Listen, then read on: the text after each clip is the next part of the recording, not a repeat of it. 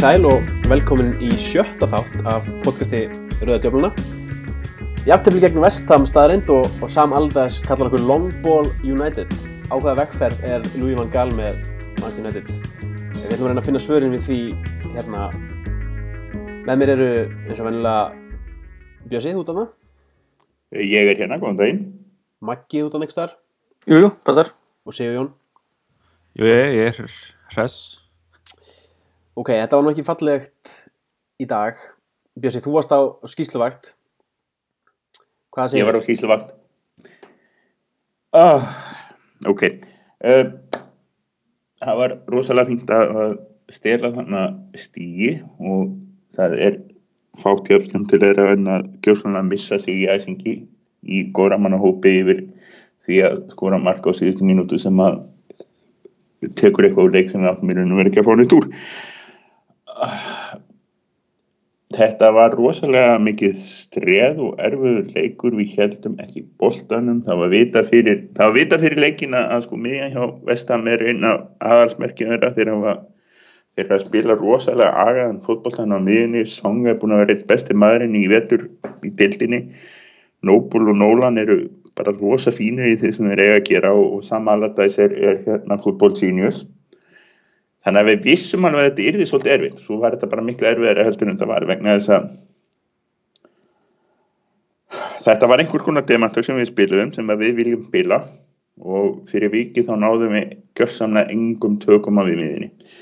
Uh, það voru sumir þannig að halda því fram að það var einn miðumæður á miðinni, Daily Blind. Og má til samsvega færa vegna þess að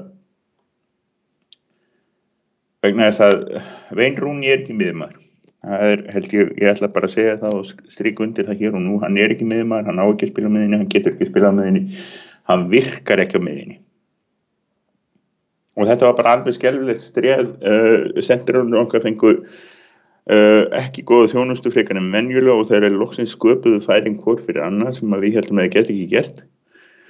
Þá var eins og ég var í mættur hann í sendirinn en ekki tveir deadliest senderar í fótboltan, Europabóltanum síðustu tíu árið eða svo. Ég hef ekki hugmynd um hvað er ég bara veit það ekki. Ég bara að veit það ekki. Ég hérna, við rekum ekki framkvæmtastjóran, það kemur ekki til greina. Uh, við erum ennþá í Europasæti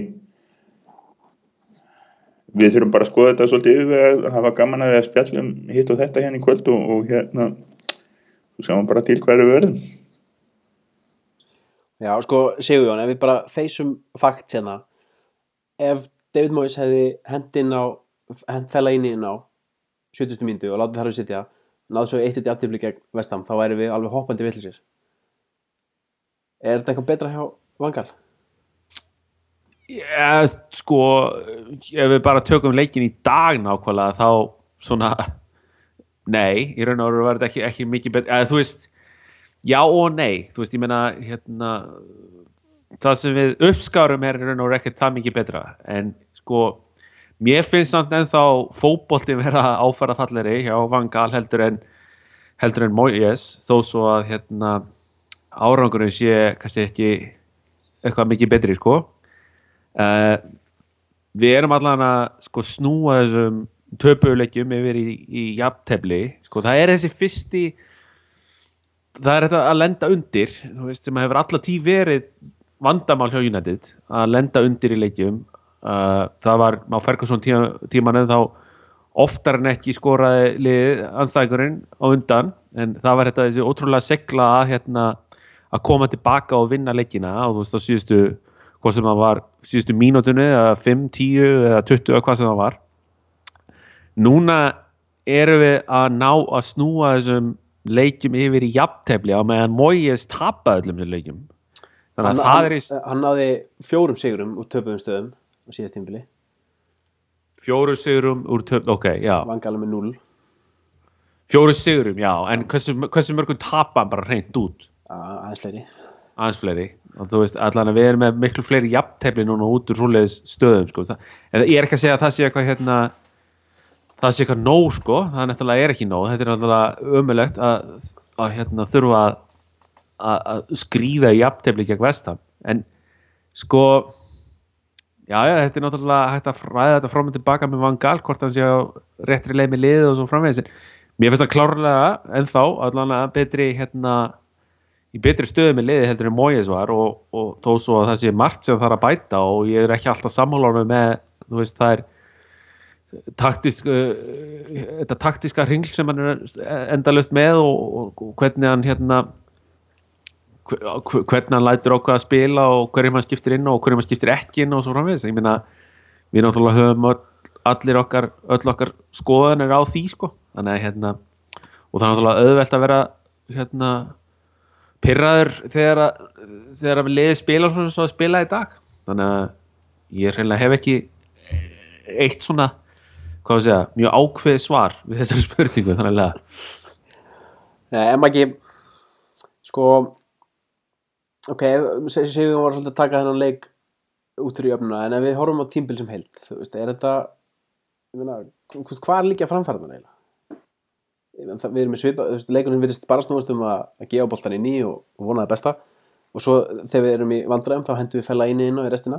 Þetta er vel nákvæmlega sem David Moyes var að gera Já, nema þegar að David Moyes var að þessu þá var fella inn í að spila tölvægt verð heldur en hefur að gera, hann hefur að virka þegar hann kemur inn og fyrir auðvitað kannski í dag beint en þegar hann hefur verið að hendunum inn og þá er oftar en ekki bara að skila marki bara fljótlega.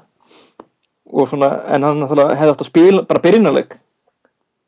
Ég held sko að hann eh, vera, finnst mér verið að gera sko, við talar heilt tímbil ótrúlega oft sko, leggja leiki upp vittlust eins og, í- og dag. Hann er hérna, sagði hérna einhver viðtali að hann hafi verið með Janusæ og Di Maria og hafi svona skapandi leikmenn og maður vinni ekki alltaf með svoleiðis leikmenn. Það þurfi stál en, en hann samt byrjaði ekki með neitt stál inn á í byrjunleiks og settir ekki inn á fyrir alltaf seint. Og sum, bara gegn sumi liðin þá getur ekki alltaf að spila dúll fótbolta endalust og ætlaði að vinna. Menna, spurðu bara Arsene Wenger hjá Arsenal. Stundu þarftu bara þarf bara svona hörku gegn liði eins og, eins og liðin frá samældags og þarft alltaf smá hörku sérstaklega miðuna og það er það vantaði í dag. Og það var kom bara inn og allt og sent til að ætla að vinna það leik. Ég, ég held að Van Gaal sé stundum af og til náttúrulega að lesa mótjaran vittlust, þú veist, eins og til dæmis hann kannski ef til við las bara vestan vittlust, kannski svona ætlaðast að þess að, þeir geti bara valta yfir vestan, svona og valta yfir þú veist, hérna Kupier eða, eða Lester eða eitthvað.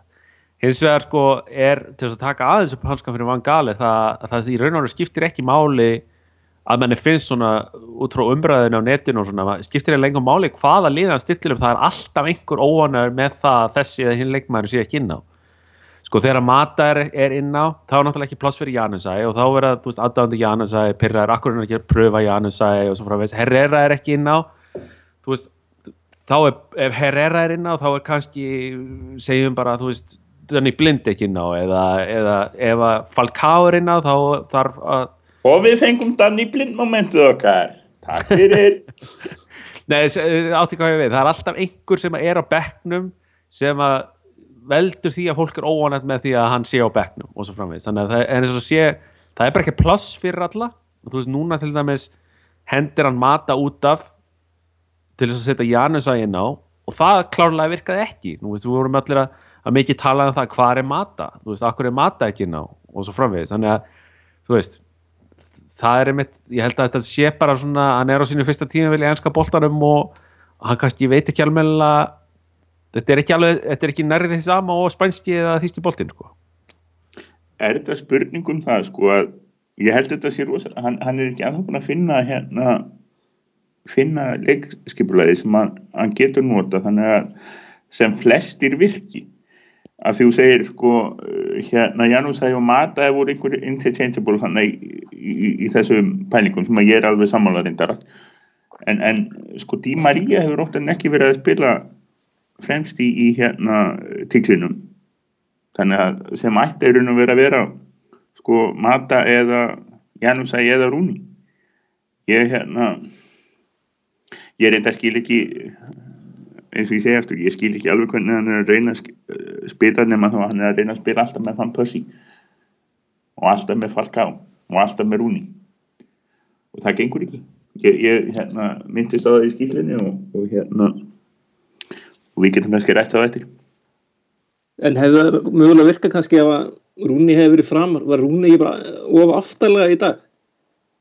Rúni var náttúrulega bara ekkert inn á vellinum í dag. Það, bara, hann var ekkert og það, það er alltaf þannig þegar hann er á miðunni Já, Ég meina, miðjan var ekkit inn á vellinum í dag, hún var bara Og eins og, svo, eins og svo oft á undanfjörnum þrejum fjólum tímblum þá er bara allt auðvelt fyrir önnu liða gjörsanlega fara í gegnum miðun okkar og hún tekur engan þátt í leikjum eða lítinn þátt í leikjuleysins og þetta er eitthvað sem við séum það er langt síðan, þetta er ekkit Urban Gali að David Moyes, þetta byrjaði eh, 2010 já, já það, það er alveg rétt en maður skilur bara ekki af hverju að maður hefði haldið að þetta verið alveg 120% leikur fyrir fella eini til að spila og ná, spila vel í. Og, óskilnætt að spil, stillir frekar svona veikbyggðri miðju. Það er ekkert lélega leikmenn svo sem en svona líkamlega og svona á móti svona þú veist, leikmenn eins og Song og Nolan og svona sem þetta er svona jakslar það fannst mér það var allt og en en eins og þú segir, það er búið að vera auðvitað að búlja miðjun okkar núna í 5-6 ár. Og það er bara framhald af því. Er þetta spurning um það að við höfum ekki efna að spila tvo sendir? Ek- ekki á útivelli. Ekki útivelli og ekki á móti liði sem er í, er í Evrópu sem er alveg, það er gott lið, vestanveit, þeir eru búin að vera að spila mjög vel.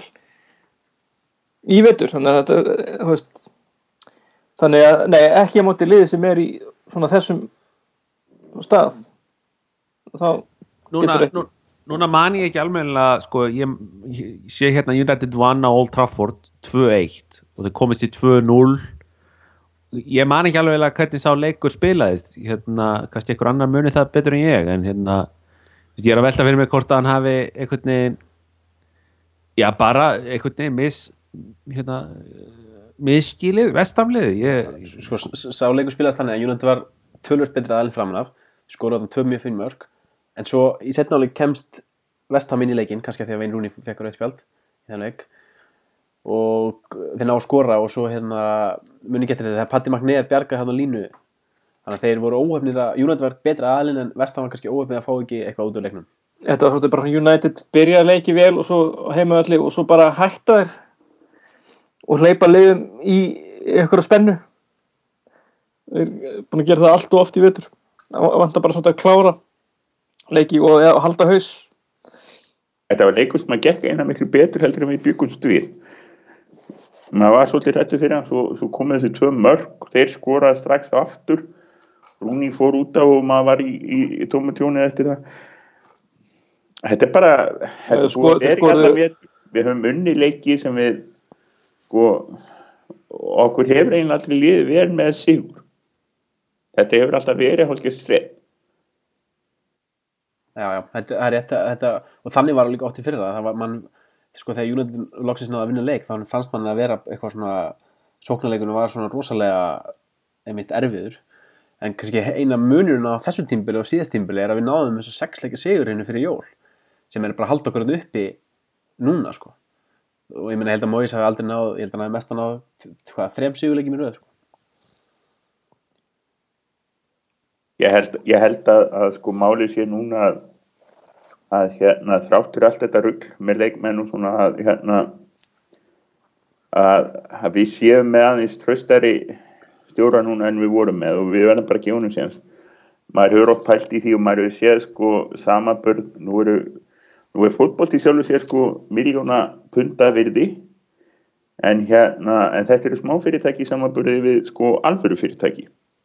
Rísa risa fyrirtæki í útlandum eh, sem að eigða kannski sex mánuðum í að headhunta framkvæmdastjóra og meðan að í fótbolta þá er sko framkvæmdastjóri rekin og hann síðan yfirleitt sko næsti ráðinn á, á svona, tveimur til fimm mínútum. Kannski tveim vikum meðan menn taka sér góðan tíma í að spá í hlutina. Og það vantar alltaf og þetta er bara alltaf í fótboltanum og þetta er ekkert að fara að breytast. Þannig að það er í raun og veru þarf að gerast er það að ráða stjóra svo sjá til hvað næstu tvö árum hvort hann geta eitthvað.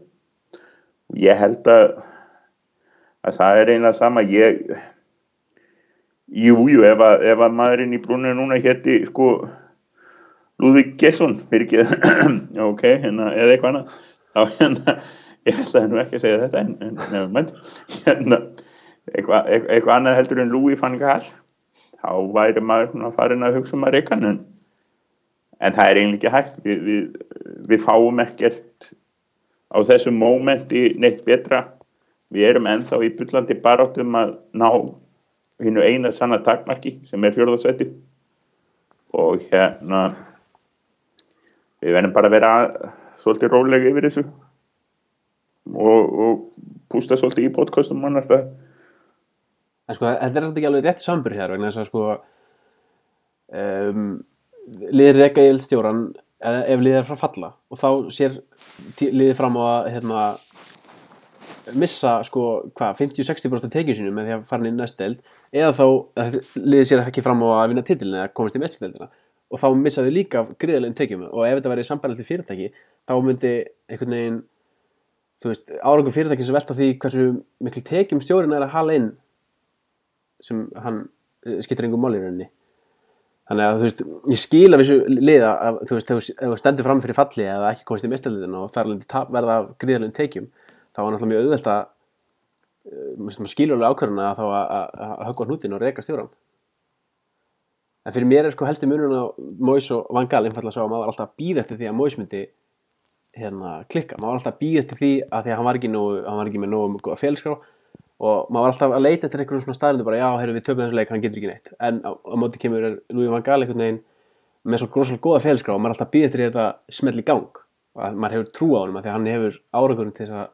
styðja við sko það sem hann er að gera En sko líka stæsti punkturinn er sá að núna á þessum hjöfambili er Master United að líta, þú veist, aftur fyrir sig á meðan með Moyes vorum við að líta upp fyrir okkur. Þú veist, við vorum alltaf í sjötta, sjöunda, áttunda sæti undir Moyes en núna erum við að detta í svona þriðja, fjórða, þriðja, fjórða Veit. og, það er og það er náttúrulega sta, sko, stæsti punkturinn upp á svona bara almenna sko. Nei, mitt, sko, Mo- sko ég fullir það ef United hefði endað í mestardeldinni þá hefði, væri Mois eða hann er minnst okkur byrjað þetta tímbil ef þeir hefði náð mestardeldsæti fyrir á og ef hann hefði verið alltaf, þó að liðið hefði verið að spila illa og ef hann hefði alltaf verið hann í kringum með þessi þriði fjóru sæti þá hefði hann fengið eh, hérna, uh, þá hefði hann ekki fengið mikla gækirinn hann fekk sko. hann er fengið allan tíma. Mér finnst svolítið magna samt sko af því að við myndumst að fella inn í hann hefur verið að virka þegar hann kemur inn á hjá Karl hann virkaði aldrei hjá Mois Fanny Karl er að ná meir út úr fella inn í heldur en Mois náði nokkuð tíma. Þetta er Moyes var alltaf svo hrættur að nota sko Fellaini það sem sem maður á að nota Fellaini vegna þess að þá var hann dæmdur fyrir að vera að gera bara einhver Everton hluti Akkúrat. ja, hann var líka skítrættur við að sko, það var eitthvað, eitthvað viðtal við hann eitthvað sem hann sagði að hann hefði ekki til dæmis viljað taka Van Persie út af því að hann var hrættur um að stundsmenn myndu, myndu hérna líta illa á það en þú veist, Louis Van Gaal er náttúrulega drullu saman við það sko. Og nei, hún er bara, heyrðu Van Bessi, fær hann bara ekki endalus að sjensa Jú, en sko, en hann er ekkert að hugsa um það hvað hva stuðnismennir hugsa. Það er það sína nei, reyndar ekki, en, en, en, Nei, jú, jú, en hann, já, hann, hann hefur alltaf miklar áhyggjur eða hvað hann sjálfur er að hugsa Já, en veist, sko, honum er alveg saman hvað blaðmennir eða, eða stuðnismenn hugsa. Hann er bara, hann er með já, já. En þetta er uh, þetta, þetta fellur undir liðin sko, Van, uh, Van Persie, Falcao, Rooney á eftir.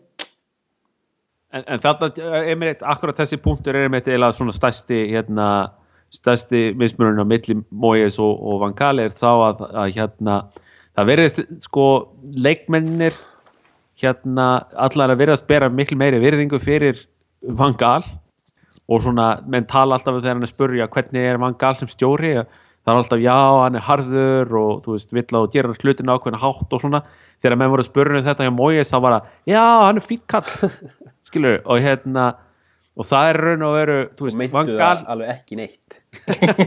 Nei, þú veist, það var ekkert, þeir sögðu aldrei neitt svona upp á, þú veist, hérna hversu góðu stjóri hann var, það var alltaf bara þú veist, já, hann er, þú veist, það fýtt var næst næst sko. Sem það var- er náttúrulega ekki sem að, hérna, þú vilt ekki hafa mann í brunni sem er bara næst típa, sko, og einhver vinur þinn, sko, þú veist, þú verður, það verður að vera þessi karakter sem að skapar ógn og ótta og, og hérna, menn bera virðingu fyrir og, og það þarf að hafa authority. Já, og þú sér til dæmis hvernig hann svarar stundum spurningum, þú veist, mann gaf svara spurningum á, á bladamannafundi, þú veist, með stingandi augnaráð og, og, þú veist, segir mennu bara að hoppa, sko, nánast, á meðan Moyes var svona já, þú veist, við berum mikla virðingu fyrir Liverpool, það verið gaman við getum spilað jafn vel og Liverpool og eitthvað svona svona kjaftaði svör sko þannig að hérna, það er eiginlega það er alveg risastór karaktermunur á þessum tveimur einstaklingum þó svo að tablan eða kannski einhver statistics um, um unna leiki versus tapaða og svo framvegð og hún sína að þessi standi á sama, sama grunni það gera það ekki, alls ekki sko. Já, nákvæmlega sko. og, og, og þetta er, er klálega ástæðan fyrir því að ég sko þrátt fyrir það að maður horfður á svona leik í, í, í dag og, og Bölvar og Ragnar og bæði stjórum og öðrum sko að, að hérna ég er ekki ósáttur við. Maður, það láfið á síðasta tímabili að maður hef var sko að ég vona næstu að við lendum ekki Európa-tildin eitthvað en það voru móis ekki rekin það, það moment var komið sko í fyrra. Það moment er ekkert að fara að koma. Það, það moment verður bara, ég bara vona að við lendum í hjörðarsætti og, og hérna og fáum peningan og getum stillið en frekar í sumar Sko, en horfum aðeins fram í tíman, bara hérna stutt skoðanakönnun, segjum að við missum á mestraldarsæti, bara þú veist með einu stíði, eða tveim stíðum eða eitthvað. Hva, hva, Bjössi, hvert er framhaldið hjá Vangal? Myndur þú þá vilja halda hann eða? Ég get alveg séð að fara, bara hætta. Sko, uh, ef ég má aðeins, nes ég veit það er á dagfru eftir og ég held að við séum komin er alveg á þann punkt við mögum fara að ræða einstakar leikmenn og svona. Þá er eitt af því sem að sko, ég hef áhyggjur af er náttúrulega að leikmenn sem eiga að vera að spila einhverjum betur er að spila mjög, mjög illa. Hvort sem það er um að kenna sko, skipulæginu eða stjóranum eða því að þeir eru ekki að fíla sér í, bleitunni í mannsistir sko það er eiginlega það, það sem ég dætti í hug í dag var það eina sem ég hefði áhyggjur af ef að hérna ef að þetta gerist, ef að þetta gerist og, og segjum jáfnvel að eigundunum einhverju hluta vegna ákveða eða meiri peningum í okkur. Og samt sko segja við um, með opna vas og allt í leið með það þó við höfum ekki jafn mikla tekjur og, og áður. Segjum svo sko að, að hérna bara svo ég pikk eitthvað nafn sem Cavani til dæmis sko, hann horfir á Falcao hann horfir á Di Maria í vettur og hann hugsaður, veistu ég held ekki veistu ég, ég, ég held að þetta er ekki líðið fyrir mig. Ég held að þetta sé ekki líðið fyrir mig. Og ég held að ég bara, ég mun ekki fíla þetta og þetta verði eitthvað ömulegt, þeir hafa ekki fílað þetta okkur þetta ég, þetta er stöf sem ég hafi ágjur af. Já. En já, já tökum hérna ringin á skoðanakunni Sigurjón Missum meðstöldarsæti Nú er vangal áfram. Í- sko, þegar Mójes tók við þá vildi ég gefa honum þú veist 23 ár til þess að sanna sig. Og ég meina það fór bara allt í rugg sko, þannig að hérna, ég vildi sjá hann reikin hann undir það síðasta.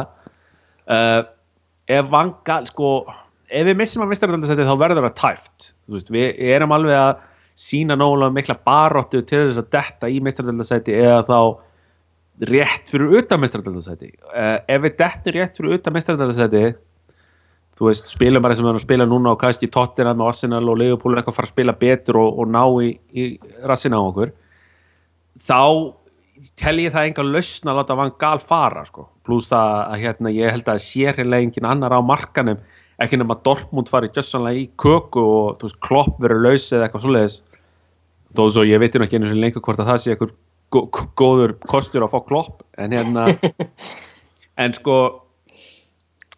það er raun og veru þannig já, ég myndi vilja leifa honum að, halda fram sjá hvað hann gerir í glugganum og, og svo framvegis en þú veist, ef að fer allt í köku til dæmis núna og Manchester United fer bara að, hérna, að tapa leikjum og rinja og, og hérna, enda einhver staðar í þú veist, segjum bara 7. 8. sæti þá gæti ég hins vegar hugsaðlega að fara að gefa öðru svar sko við því Maggi, hvað segir þú?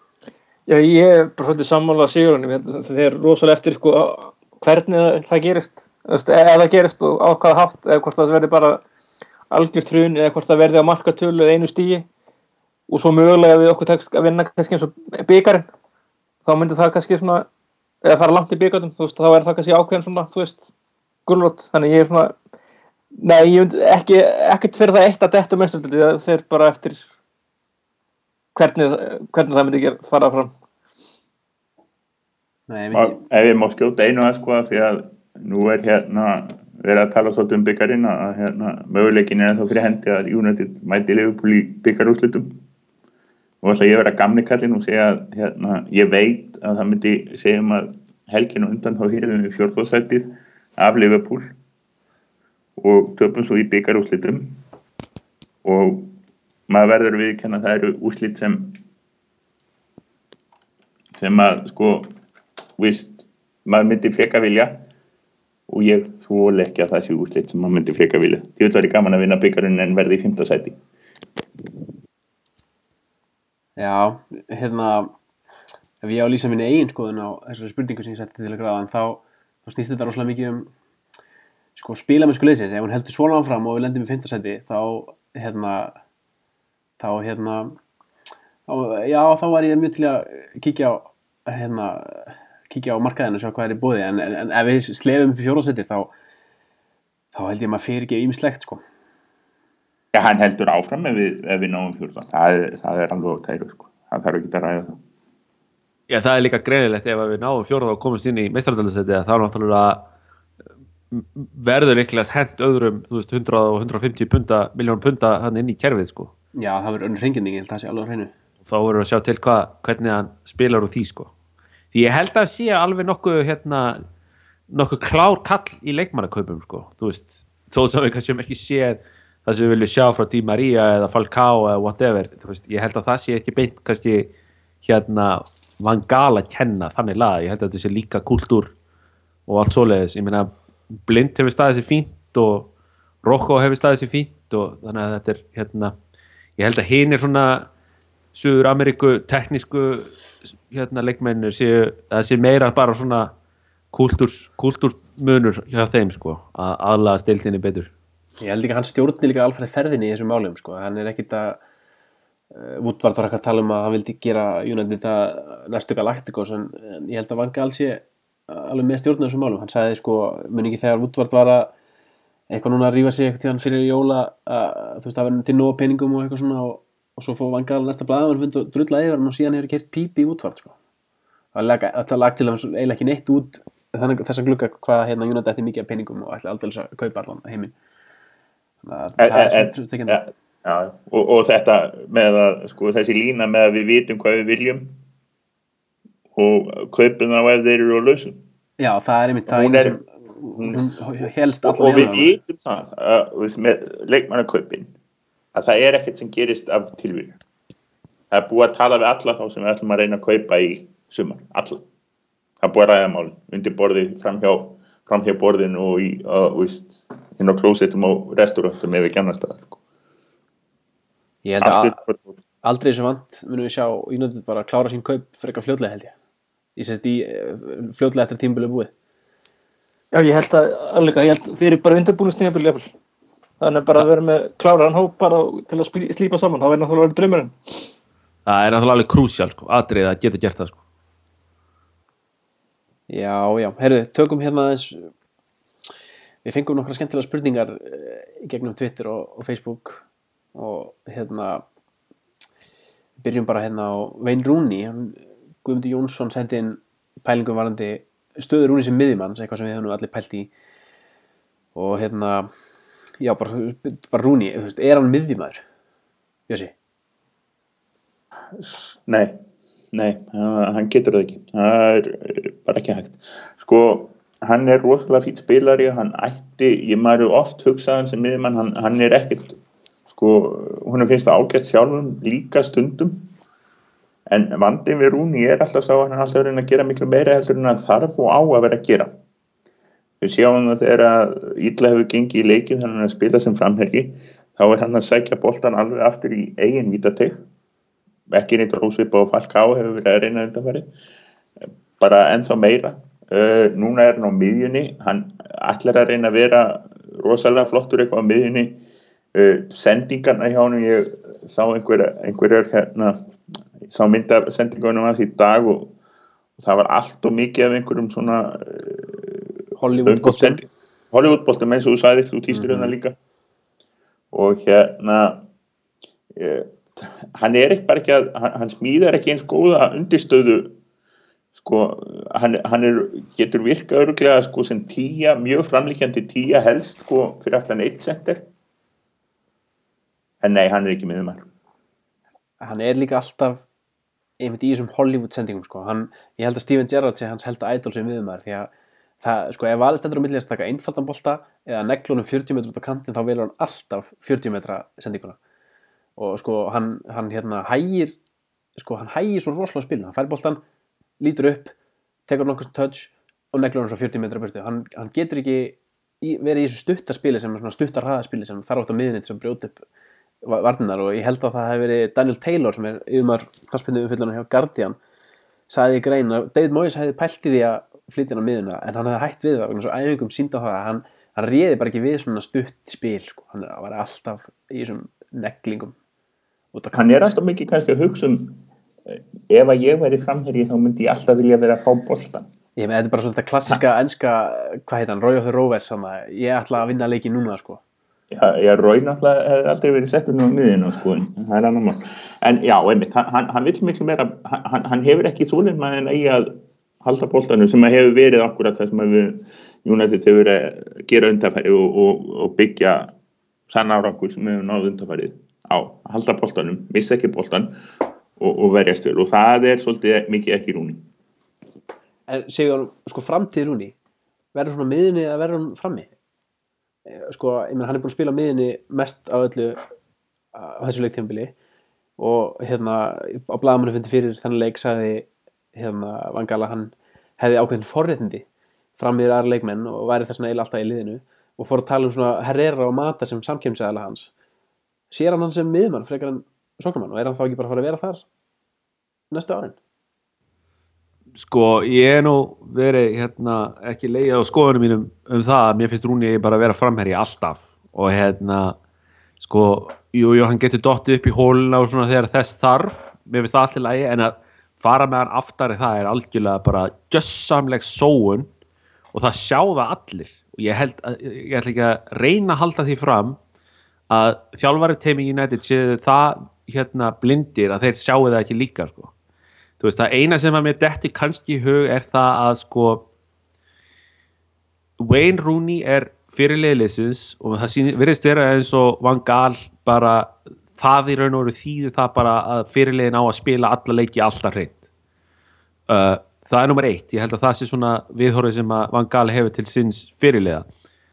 Sko svo er spurning hvort að hérna þetta með, með Herrera og Mata og Rúni og allt þetta dót sko, ég er svona veldið að höra með hvort hann sé ekki hvort hann sé að býða eftir strútmann eða einhverju svoleiðis típu miðmanni sem að geti sem að, já, sem, að, sem að í raun og veru þá bara verði til þess að Rúni fer aldrei aftur á miðuna ég held kannski að hann sé svolítið að nota Rúni vegna þess að honu finnst hann vanta eitthvað til að leysa eitthvað ákveðu verkefni sem hann vil sjá leysa. Sko Rúni er ekki, ekki að leysa þessi verkefni en einhverju hluta vegna er mann gal en þá að láta hann í þessi verkefni. Og ég held að þetta sé svona bara eins og staðinni í dag svona ég held að mann gal bara finnist þess að hann sé besti kosturinn í það sem hann þurf, þurfi að leysa hverju sinni sko.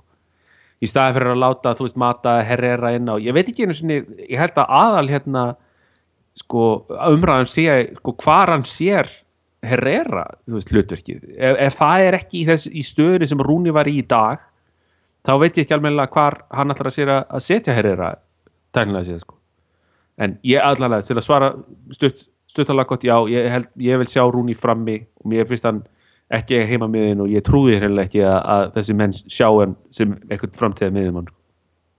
Ég veldi sem þetta oft fyrir stöðu Herrera, mann fyrir mér lítur hann einmitt út sem bara svona fullkona lausn í það sem Rúni á að vera að gera því að herriða getur bæði sótt og varist. Það er eiginlega bara alveg óskilulegt af hverju hann af hverju herriða fær svona fá tækifæri á liðinu. Og ég meina liði virðist alltaf einhvern veginn spila betur þegar hann er inn á. Af því hann kannski ræður betur við þetta miðjumann hlutverk sem Rúni á að vera með. Að halda miðjunni gangandi, tikkandi snokkarsendingar er ekki mikið í þessum 40 metra Hollywood boltum hérna já þetta var Rúni. Tökum, fengum aðra spurning frá Hauki 8 og hann þetta er það sem hefur hérna brunnið á mörgum á þessu tímbili, það er hann Adnan Janusæ hann er náttúrulega á því frábært tímbil í hérna fyrir að skaust upp á stjórnuhefunin og hann hefur svolítið týnst á þessu tímbili Maggi, sko, hvað er hann bara búin að vera eða hvað, hvað hérna þú veist, hver, hver er framtíð hans hjá United? Já, hann á full, fullkomlega framtíð í United, hann drengunin er 19 ára gamallega ég veit hvort hann sé að verða, orðin er rétt að verða tvítur ég held að sé allt og snemt að alltaf afskrifa hann Já, nú sagði var 25.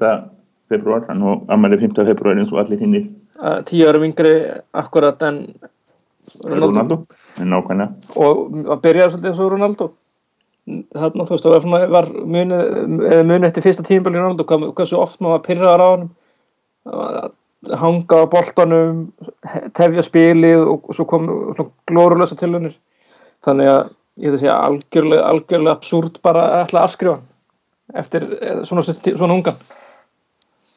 En, En- en hver er rétti maðurinn til þess að er, það er svo önnur spurning ég er alveg sammála því sem að Maggi er að segja hérna núna, hann minnir mann rosalega á Ronaldo. Og Ronaldo var að gera með geðveikar hérna fyrstu, fyrstu 1-2 tímabilin sko. en Ferguson var akkurat rétti maðurinn þú veist bæði samband Ferguson við Ronaldo og Ronaldo við Ferguson og svo framvegis, ég held að þetta að vera alveg perfect blanda að sko hérna að koma Ronaldo á þann stall sem hann er í dag. En svo er spurningin er þessi blanda til hjá Janusæ versus, þú veist, hver það er? Þá Giggs eða Van Gaal eða, eða hvað sem, þú veist, er, er réttu mennendir í brunni til þess að slípa Janusæ til eins og, eins og á að gera sko. það er svo stóra spurningin. Jú, algjörlega, algjörlega. Já, ég held það nú alveg sko, ég held að Fann Gahl hafi nú alveg slípað til einn eða tvo þólanlega góða leikmann svona gennum tíðina sko, þannig að þetta er bara, ég menna það var eins og Ronaldo, hann var að spila í, í harfarslökum liðum hann að fyrstu tvö árin eða svo, það var ekkert að hjálpa honum og svo hérna eh, það hefur verið svolítið rétt um það hann, hann fyrt ekki nógu vel inn í formasjónuna og, og finnir sig ekki nógu vel og, og það var eins og í fyrra sko, þá, þá, þá bar hann upp í liðið, nú eru komni leikmenn sko, sem eiga að vera að bera upp í liðið meira. Og, og þeir eru ekki að gera það og hann er alveg, hann er hálf lost sko, þannig að hérna ég held, ég hef yngar á ekki við erum með hann á fimm ára sanning og hann er ekki að fara neitt og bara við hefum bara ekki að hafa ágjörð við hefum að, að njóta þess að, að sjá hann þróast næstu tvö árin sko. Já, ef hann væri ekki framtíðarplönum þá hefðu segið hann fara, fara núna í janúari hann, það er heldarum senda ekki einu svona lán. Ég held að síni nú ágættist tröst sem þeir hafa til hans. Já, þeir stoppuðu náttúrulega PSG og Everton vildi fá þeir sögðu bara neyfi því. Þannig að það er menn það var trú á honum og það var nú komið fréttar af því að Giggs sé mikið með hann baku tjöldin Menna, þetta er, þetta er, þetta ekki aftakið hans sem er 11 á bakinu. Jú, jú, en hann er náttúrulega aldrei fengið sko, sko fyrsta lagi er náttúrulega hefur hann mikið verið að spila hann í vangbakstöðinni sem er nokkuð örglega ekki örglega ekki hans besta staða. Og hann hefur lítið fengið að spila að við náttúrulega ekkert spila með kantmenn á tímbilinu þannig að hann hefur ekkert, ekkert fengið að spila þar það sem hann brillir á síðast tímbili og, svo, og segist helst vilja vera tíja að hann sé svona hann, sé hans, hann segir sjálfur að það sé hans sterkast já, sem hann fekk ekki eins og að spila með Mois þannig að sko, hann og hefur ekki verið mikið að fá tækifæri í liðinu svona nokkar leiki röð. Hann, sko, og þá gerist oft með svona unga leikmenn að þeir fá ekki tækifæri nokkur leikur röð, fá svo eitt leik og þá ætlar algjörlega, algjörlega að sigra heiminn sko, sína nú á ég sko að vera í byrjunleginu Var hann ekki svolítið að gera það á móti jú. Ég, ég, sá, ég sá ekki þann leik sko. Jú, hann var mjög sprækur þar og, og, og sko í báðum, nei, hérna fyrirleiknum til Cambridge var hann að reyna og hann var líka að reyna áðan, skilur, bara gekk ekki alveg upp hjá hann Mér fannst hann ekki bent lélugur í dag Mér fannst einmitt, mér fannst einmitt verið að reyna Mér fannst bara vanta svolítið, hún vantar bara hjálp. Já, mér finnst þetta að fá smá kredit fyrir það að, að hérna, hann var að reyna að hlaupa á menn og svona en, en það bara gekk ekki upp hjá honum og þess var hann var alltaf bara slakur í dag en, en hann var samt að reyna. Það er nú hérna eitthvað sem er nú hægt að segja meira en marga sko. Ég, ég, ég er að horfa út að sporti hérna hjá Vein Rúni sko. hann, hann er hann er hann að uh, daldi mikið utalega vinstra megin en uh, svolítið mikið út um allan völd líka.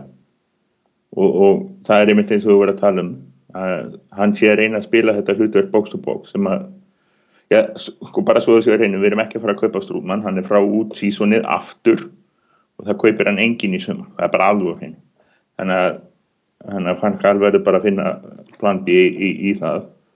En, en uh, ég, ég, er, ég er alltaf að reyna að hugsa um það sko, ef þú vilt spila Janúnsæði á kantinum með blind eða karrik og svo einhvern annan þannig með og svo einhvern út á hinum kantinum þá er eiginlega bara einu möguleikin sem er eftir að spila með tíu sendir. En þess að ég sé ekki að neitt annað virki. Það er bara orðið þannig að, að mannskapurinn þarf að virka þannig ég veit ekki, þetta er einhver, einhverjar hérna, deprimerandi pælingar hjá mér fyrir ekki En, en þetta er tölvöld til ég er einmitt sammála ég held að einmitt að að væri betra fyrir okkur einmitt að vera með eitt fremstan og, og ein, einmitt eina tíu eða þá í það minnsta sko svona second striker.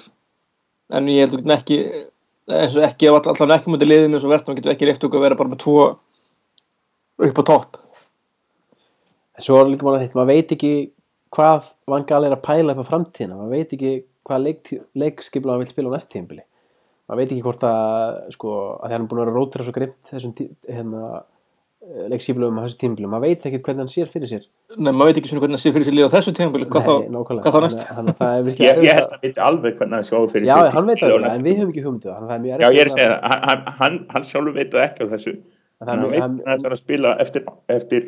að það, það það er mjög- hann- að það það spekulera sko hvað ég meina, ef við ætl- ætlum ekki að spila með kantmenn næstu árin, þá þarf hann að aðlegast nýju hlutverki hann á miðinni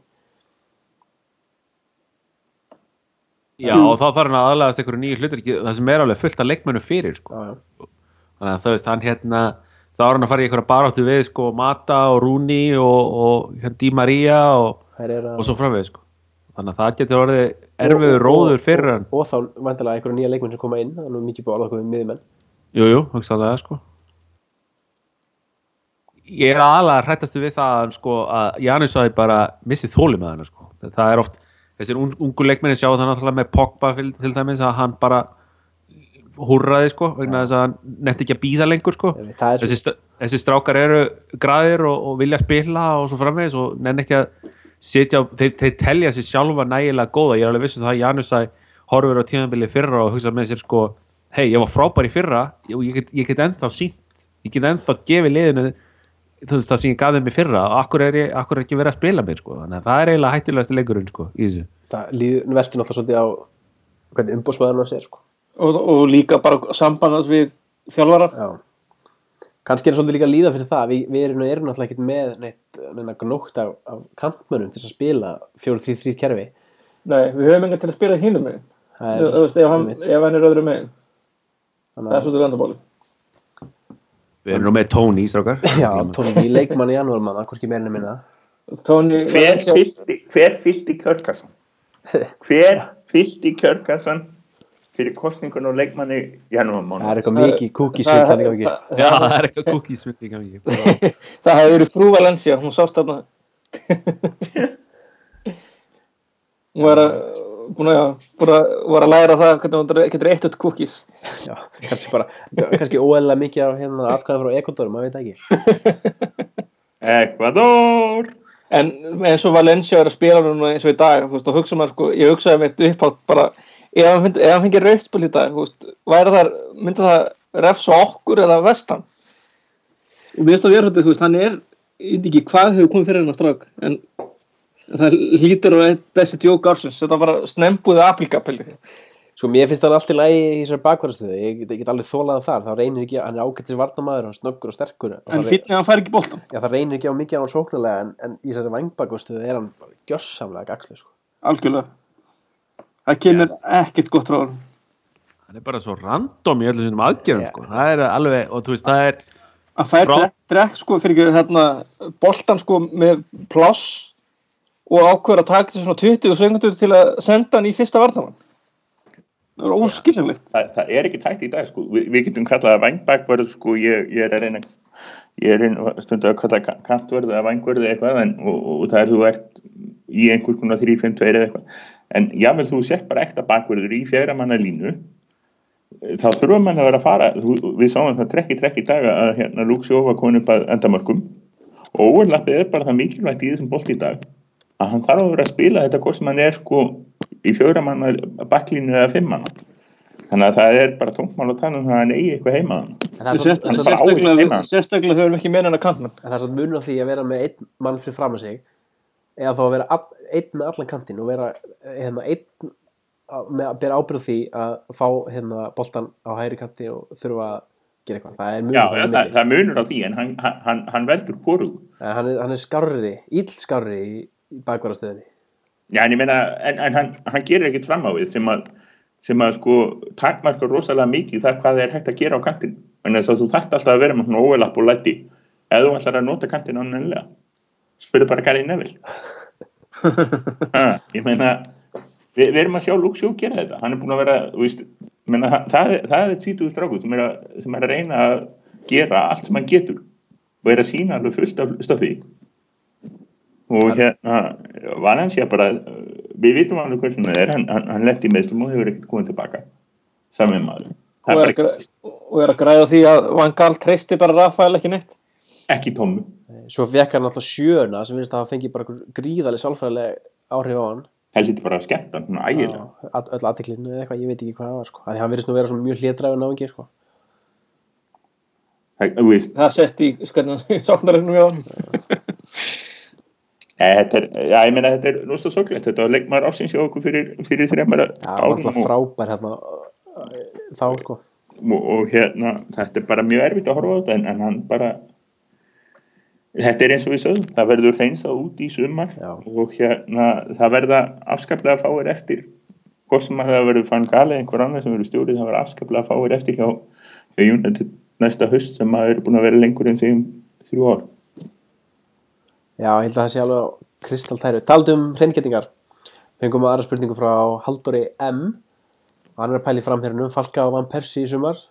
Halda báðum, losnaðu að báða eða halda öðrum og þá kvot Náðu þessu?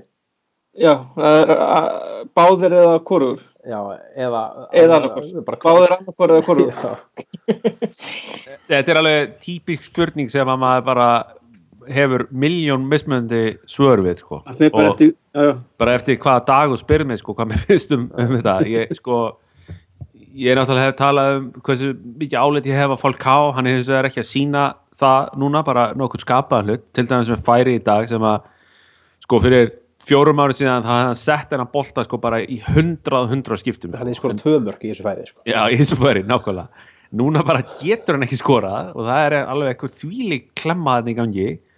Van Persie fær að spila alveg endalaust og, og er svona þú veist, ekki að gera sömu hluti. Klálega og hann veit að því sjálfur líka, hann var nú viðtal við hann hérna daginn eitthvað sem ég sá á YouTube að það sem hann var að segja að hann er að gera betur. Hann væri ekkert að gera, gera nógu vel. Þannig að þess, þessi stráka vitalega að þessu að þeir eru ekki ef þeir eru ekki að skora í hverju leik að, þá vitar þeir eru ekki að, að, vinna þá vinnur sem þeir eiga kannski að vera að vinna. En þannig að þetta er ótrúlega erfið spurning, mjög erfið spurning. Ég meina á pappirum þá myndi ég segja að halda báðum bara alveg 100% sko og bara alla leið.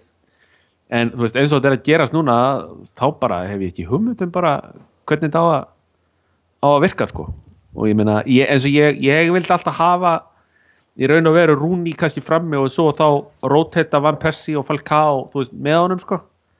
En veist við náttúrulega sjáum Rúni aldrei frammi í dag þannig að við, ég bara veit ekki hvernig það myndi fara sko. En svo verðist allan að vera líka eins og sé kannski framherja stílinn hjá þessum tveimur Falcao og Van Persie sé það svipaður að, að hann svona hérna reykist aðeins á þess vegna vildi ég freka sjá Rúni frammi, hann er svolítið öðruð sér frammi heldur henni tveir sko. þannig að stuttasvarið enn og aftur, þá segi ég bara að halda um öllum. En spyrjum eftir í mæ Vissi, þú ykkur að skoða nú þessu? Já, ég er skoðan uh, halda þeim sem skorar einhver mörg næstu mánuðina. Og mig er farið að gruna að það verið kórugur Sko, samlingun hjá Van Persie rennur út, er ekki eftir, eftir næst tímfél? Jú, 2016 Jú, þannig að ef við ætlum að fá einhvern pening fyrir hann þá þurfum við að selja hann í sumar. Og hérna Falka og þar, ég, ég er eins og Sigurðun ég myndi elska það fátt meira heldur en að Falka og fara í gang. Og ég vil miklu frekar að Falka og fara í gang heldur en hann Percy hann náttúrulega er yngri náttúrulega. Hann, Ha, hann hefur hann er aðeins yngri sko. Og ég bara, ég er ekki að sjá það. Ég hérna, ég vil sjá hann að þeirra fara ég vil báða. Og hérna og það fer bara eftir því sko, þeir þurfa, það er hvorur þeir að vera að spila anmennlega í vetur. Þeir þurfa bara að stann, sanna sig. Ég held að ég er ekki til ef að hvorur þeir að vera í United næsta höst uh, Edinson Cavani er ekki svarið hins vegar. Ég veit ekki spurning og- er eitthvað Edinson Cavani er svarið. Hann er einn leikmaður í boltanum í held ég. Held að það sé staðirind ég hérna ég held að ég veit ekki, ég væri miklu frekar eh, bara hugs, ef, ef, veist, ef að Falká bætir sig ekki þá bara hendum við þessum 40 miljónum í reyn Já, ha, ég meina hversun ekki? Ha? Já, menn, tóttina menn vilja meina að hann sé að hann það sé spörsari í gegn sko, hann vilji það bara er ekki fyrir meiri tóttina spörs en það hann var hjá Arsenal fyrir fjórum árum eða eitthvað Já, það var eitthvað, hann er, hann er, hann er spörs aðdóndi frá unga aldri. Það er ekki alltaf að marka hvað þú fær sénsinn sem, sem Já, já. sko, fútboltastrákur. En hérna, sérstaklega ekki, ég minna að þú tekur, þú tekur þegar einhver kemur til inn og beður Nei, sem, sem og ekki eh, Stevie Ireland til dæmis uppalinn hjá City og er ólst upp sem United fann sko Já, já, það er, Gerrand og Carragher og... það, það er alls konar sko, nei ekki Gerrard, það þetta, þetta. Evertón skiltu dæmi hjá Gerrard var, var eitthvað svona bara kring. En hérna, en Kar Karra er Evertón maður, eða var það? Og hérna, McLowan var það ekki líka hæ? Nei, ég þóri ekki að fara með það Það, það, ég man ekki einhverja Það er sögur, bannað að ég nefna man nafn verið í Michael tímsa Owen. sögur, alls konar Liverpool menn af 8. ára, Ronny Wieland var, var stífur United maður fyrir okkur sem munum hann og hérna, al, það er alls konar þannig að hérna já, já, ég er alveg til í að sjá það bara báða að fara. Það, það geti ekkert orðið verra. Það ég tristi bara mönnum til að til að hérna, gera þess með rétt í þeim hlutum. Við þurfum bara að halda James Wilson. Já, ég algjörlega. Ég, mér langar til þess að aðeins að skjóta inn sko, þú veist, bara með Falcao. Þú veist, maður sér oft svo hérna, rosalega drölla yfir hann á, á hérna, Twitter og svona þegar hann er ekki að, setja þessi færi og svo þegar Van Persie setur ekki sín færi að þá er miklu minna dröllaðir hann. Sko, Porto þegar Falcao er hjá Porto þá skora hann 34 mörg á fyrsta tíðanbölinu, 38 mörg á öðru tíðanbölinu svo er að selja til Madrid skora 36 mörg á fyrsta tíðanbölinu 34 á öðru tíðanbölinu svo er hann selg til Monaco spila þar 22 leiki og skora 13 mörg sem er nú nokkuð gott. Og svo meiðist hann. Svo kemur hann núna til United og búin að spila ykkur 16-17 leiki og skora 4 mörg þannig að sko það er, annarkvort, það er þessi stóra spurning með meðslinn sko hvort að þau Já, hafi það eru svona svakar ár ekki verið inn á sem varamæður í oft leikjum sem eru kannski unnir og restur liðinu bara hægt að reyna þannig að Já, reyndar kemur hann inn á hérna sem varamaður bara fimm sinnum. Þannig að hann spila 12 leiki og 5 sinnum varamaður, það er 17 leikir ok, 17 leikir, fjögur mörg en það er þessi stóra spurning, er þessi meðsli þú veist, að setja svona svakalegt strikreininga eða er þetta bara þú veist, svona eitt sísón vesen sko, sem að verður sem bara í fínu lagi á næsta sísóni það er þessi stóra spurning. En sko, fólk talar um að Falcao eins og hann get ekki raskat, sko, ég meina bara lítið á tölunar, þú veist, horfið aftur til 2009, 10, 11, 12 13, skilur, þetta eru bilaðar tölur, sko. Þetta er bilaður leikmaður og, og ég er alveg samanlega, nákvæmlega þetta en þetta er eitt sem ég held og ég myndist á áðan þegar ég var að töða ég hef áhyggjur um honum og Dímaria ég hef áhyggjur um að þeir sko séu í sama vandamáli. Að þeir eru liði sem gengur ítla innan gæsa lappa þeir eru ekki þannig að það þeir eru liði sem er ekki að spila stabílan leik. Það er alltaf eitthvað nýtt að gerast í leikskipulæginu þeir hafa ekki fundið einhverja fjöl sem það vantar. Og fyrir vikið þá finna þeir sig ekki sko að Falcao hefði komið fyrir tveimur árum inn í eitthvað þokkalega stabílið hjá Ferguson þá hefði hann skorað 30 mark bara alveg punktur ekki spurning. En ég hef áhyggjur af þessu að þetta sé sko þetta sé þetta sama vandamál hjá þessum tveimur strókum ég meina Di Maria kemur inn í United-liðu og spilar í sömu stöðu þarna í alveg glimrandi vel eitthvað 5, 6, 7 leiki í röð sko. Já, svo fara þær að hendunum alveg hinga og þanga Já, og hann hann ekki, ekki líka. náð já, meiðið sig þannig líka aðeins, já. En síðan þá hefur hann verið að spila svolítið svona flótandi hlutverk sko. Frammi Og- og, ekki hvað, hvað. Og hann hefur alls ekki náð að sína sig þá. Og það, það er einmitt þess að held ég það sem, sem, sem Bjössi er að minnast á að þetta er, þetta er svona, það vantar eitthvað struktúr sko, að- að verðist vera, Vangar verðist vera algjörlega hættur að spilunum í þeirri stuði sem að vera var að virka best þegar hann hérna, sem var í rauninni stöðinu sem að Janusögu var í dag fá boltan, hlaupa með hann og búa eitthvað til. Ég held að sé sóun að hendunum hérna í hóluna það sem hann var í dag. Já, og það gæti raun og veru hafi verið stóru taktísku mistökin í dag til dæmis, bara, bara svo skipting að reyna að koma Janusæ inn í liðið og færa Di Maria þar að leiðandi. Því að Di Maria er akkurat í þessari í Janusæ stöðin í dag er svo staða sem hann hefur blómstra í áður. Þannig að mér finnst það svo skrítið að hann skulle ekki hafa þú veist, þegar ég sá byrjunarlið þá var fyrsta sem ég dætt í huga var það hérna, að Di Maria myndi loksis fá að spila sína stöðu sko. Og svo kom nú annað í ljós. Svo er eitt með Falka og hann er alltaf með þessar 40 miljónir punta hangandi yfir sér þannig að þú veist í hvert skipti sem hann spilar illa hugsa maður, nei, hann er ekki þess virði á 40 miljónir, hann, þú veist, það er allt að, að, alla framinstöður hans eru, hérna, það er hort að það er í gegnum þessar 40 miljón punta linsu, sko. Torres, Torres syndrom Já, þú veist, það er svo svakalegir peningar og og reynir verra en Torres af því að þú veist, verra en Torres, miklu verra, hann Þegar- þarf að vinna sér inn já, nákvæmlega. hann er ekki hann, búin að, hann, hann er ekki búin að sko, er, þetta er ekki loka, þetta er ekki þáttíð þetta er framtíð þannig að það er alltaf verið að meta hann er hann þessi virði, sko og þetta verður pældi ég ef maður lendir í því að United vill ekki kaupa af því að segja, nei, heyrðu, sorry, þú ert ekki 40 miljón punda virði. Það er bara það er bara alveg helviti magna sko, Di Maria sko, ég er eiginlega búin að gleyma því að við séum búin að eða 57 miljónum í hann.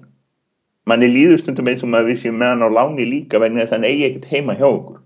Ég fæ svona einhvers konar uh, reverse impostor syndrome mér finnst stundum að Di Maria sé ekki í raun og veru hjá United. Bæða því hann spilar ekki eins og hann eigi, þú veist, eigi leikin eða eitthvað svo leiði sko. Og svo líka sé að maður er alltaf að hugsa sko, veist, fer hann eða nenni hann ekki vera hérna eða eitthvað? Mjög, þetta er, hann er líðunast í eins með þá. Búðalega skrítið. Ég hef nú ekkert eitthvað allt og miklar áhugur af, af Di Maria hérna, situationu sko, vegna þess að Di Maria hefur tíma sko, það er nefnilega sem Falcao hefur ekki mitt Falcao, Falcao hefur engan tíma til þess að sanna sig, því að ef hann sanna sig ekki fyrir, þú veist, síðasta daginn sem er hvað, 20. okkar í mæ, þá er þetta bara búið spil fyrir hann sko, hjá United, veriðst vera allavega. Þannig að hann er undir gríðarlegri tímapressu á meðan Di Maria er meira svona já, þú veist, hann er kannski ekki að spila vel hann byrjaði vel, en er ekki að spila vel núna en sjáum til á næsta ári, við erum kostum með hann í liður á næsta ári. En Falcao er annarkvæmt bara on and off sko, með það mál sko. Já, klukkan tifar hjá hann og svo náttúrulega ef við kaupum hann ekki þá var náttúrulega næsta víst að hann farið til einhvers annars liðs og gjör svolítið brillir þar og myndi tala það hans er líklegt það er alveg, alveg dáka og líkar á því sko. Ok, hérna okkur erum búin að ganga ágætlega í byggarnu þessari leiktið og fengum hérna Preston North End í eh, næstu ferð sem er held ég næstu helgi hvernig líst ykkur á það, Maggi? Þú spenntur fyrir Preston? Já, þetta er eh, gam, gamli klúburinn að spekka við lánum að hann var lánsmaður hann á sín tíma þannig að svo hefur nú held ég í gegnum tíðan verið dögulega að lána en leikmenn, ég held að við séum með mark, markmann þar í láni. Já, ég man ekki hvort það er Sam Johnston eða Ben Amos annað hvort það segja ég held að Johnson, ég held að Amos sé annarkvæmt í Bolton eða Blackburn. Já. en hann þannig ég er bara, bara alltaf gaman að byggja leik, þannig gaman að fá svona til tilbyrningar svona auðvöldari leiki, ég segir nú svona þið sjáu það ekki en ég eh, set upp gæsaleppur sko því að það sást alveg í í mörg, mörgum leikjum hjá öllum liðum að það er ekki, er auðveldi byggaleikir en þetta er dauðafæri. En sko, nú er, nú er náttúrulega bara Liverpool og Arsenal eftir af þessum stærri liðum þannig að við, eh, erum við ekki bara í byllandi sjans, Bjössi? við erum það eins og ég hérna kom að, á, fyrir, fyrir, fyrir potinu þá hérna þá væri fátt skemmtilegra þetta sísónu en að vinna Liverpool í 2000 mæ það er líka fáttlegin að tapa þeim leikan en hérna það, er byggjan sko ég hlakkar til að fara að, sjá Preston, þetta er náttúrulega fortfrækt lið, þetta er svo fortfrækt að það var er þess að gott áður ég mann eftir mér. En hérna þetta er, þetta þetta flott, flott nafn og, hérna þetta er reynda dottir flottu grúpur þeir hérna hafa verið að gera fullt af hlutum rétt svona síðustu síðustu árin sem svona sem uh, klúpur sem má muna sinn fífil fegur en er að, uh, svona bara orðið fín neðri til þetta klúpur í dag. Og hérna snýður sér stakkið til vexti heyrar fyrirvændi leikmenn og, og, og, og kann sig þannig að ég held að þetta verður bara mjög skemmtilegt þetta verður mjög spennandi leikur. Hlaka alltaf að fara á dýptil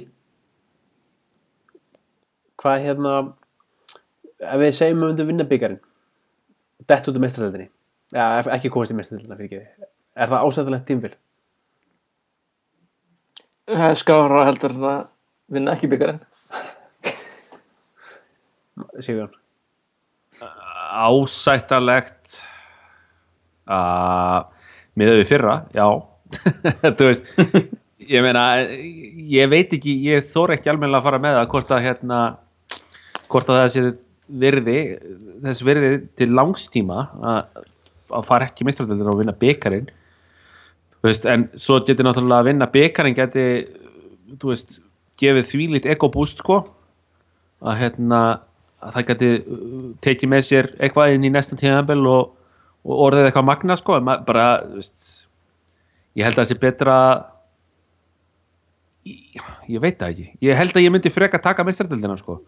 Svona upp á bara fjármagn og eins og sé langtíma hérna langtíma áhrif. En að vinna byggarinn væri náttúrulega alveg frábært að loksins að unnið hann aftur sko, þetta er allavega þess að bygg það fergur sem gerði það það svona kom svona sigur svona tilfinningu og svona uh, þorsta í liðið á sínum tíma. Það er kannski spurning hvort að það þurfi ekki bara í dag. Sko Bjössi, þú, þú ert svo gamall að hérna í þínum, já, í þínum huga getur ekki, ge- getur ekki verið merkilegra að ná fjórðarsættisbyggarnum heldur en FF-byggarnum og Sko, ég veit alveg að það er eiginlega merkilegur og ég veit alveg, og eitt af því sem ég treyst ekki eru viðbröð eigandana við því að, að, að sem þetta, hvað gerist ef við, ef við fáum ekki fjórósæti og, og þá peninga sem sko, við töpum alltaf fullt af peningum en við eigum samt að eiga meiri peninga en allir hinn en ég er bara, sko, bara að vinna byggarinn, ég tala nú um að við skildum nú vinna eitthvað annarkvort þessara hinna stóliðana en að gæsa lappa sem er eftir. Það er því bara æðist það er bara, þá bara að vera æðislega að vinna byggarinn og hérna við vinnum að þannig 2005 og það, það sett okkur í smá gang. Og hérna var ekki 2004 2004, 2004, við, við, já, 2004 unnum við byggarinn 2005 töpuðum en það rönn eiginlega var samt sko fyrsti vegna þess að við áttum að vinna þannig.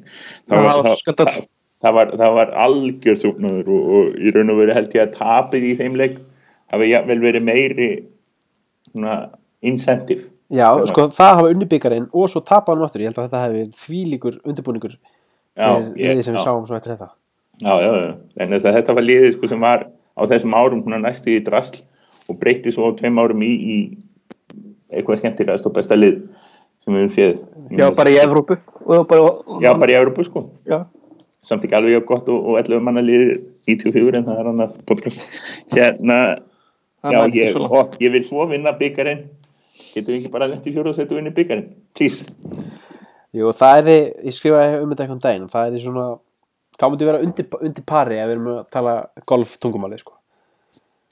við erum kannski á pari ef við náum fjórsæti en við náum hérna bördínu ef, ég held að sé, ég held að sé krúsel að væri bara að, að fá svona titil fyrir bara svona sem bara senda bara skilabóð, við getum unnið eitthvað ég held að það sé algjörlega nöðsvöld þannig ég, ég segi fjórðarsveita byggar á bara að vera lámaskrafan eins og staðir er í dag.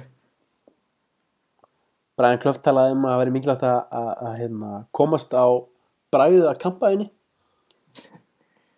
Og hérna, þess vegna var maður alltaf vonið fyrir að Móis myndi ná deildabyggarnum eða FA-byggarnum en svo sem kannski Van Gaal þarf nú kannski ekki að halda því að, að hann veit alveg hvernig kampaðin er á bræðið held ég.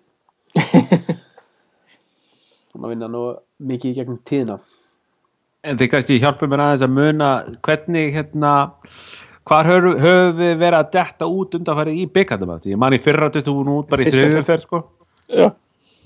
að hérna en, við hefum oft dottið út í undanúrslitum og, Já, sko. Og síðan, þá meina ég síðan og, 2004 þe- sko. og á þessum tíma líka Sko, kom, hefur ekki bara komist ekki úrslita mútið Chelsea 2007 eða eitthvað Jú, var það ekki. og svo bara undanúslit eins og tísar á móti Evertón og City minnum mig Já, alveg, ég sitt í, já, ég manni því já, og svo 2000 töpum við fyrir Evertón líka. Var ekki 2011 sem við vorum á móti City. já, og var ekki bara gott að vera ekki 2000 nei, það var hérna já, svo töpum við líka fyrir Portsmouth þegar við unnum hérna þegar við unnum meistaradeðina þá töpum við fyrir Portsmouth í hérna var Í ekki í, í undanúslitum minnum ég minnir að Ríó Ferdinand það er farið í markið. Var það ekki í hvað? þegar Portsmouth vann byggarinn þá held ég ég held við höfum stótt út fyrir þeim Já, við vorum eiginlega bara dæmdur og leik já, já Já, það er frekar státt daburt En þannig að þá vorum við nálega þrennir sko. svo var 2010 og 2011 þá var held ég Everton og, og, og City og síðan þá hefum við ekkert verið að gera neitt merkilegt, minni mig byggarlega séð sko þannig að þetta er, þetta er ágætst tilbreyting Fletta þess að mér, sýnist að Pósmann það hafi verið 5. eða 5. fyrir Já. Ekki alveg undan úrslit. við minni sko að þegar það fengi víti og Ríó Ferdinand það þurfti að fara í markið Já, jú, það passar en það var, það var 5. fyrir eitthvað svo leiðis. já, En hérna, við, það var City á, á hérna, Si- City er, er uh, sýnist mér einu undan úrslit. Já, City og Everton, eins og þú segir. Everton 2009. já, En hérna, já, það er bara, það er fínt að vera undir París, ég myndi setja með það. United Liverpool í úrslitum 30. mæ á Wembley ekki bara, ef ekki bara bóka það Jú, ef hún farið í hópferð.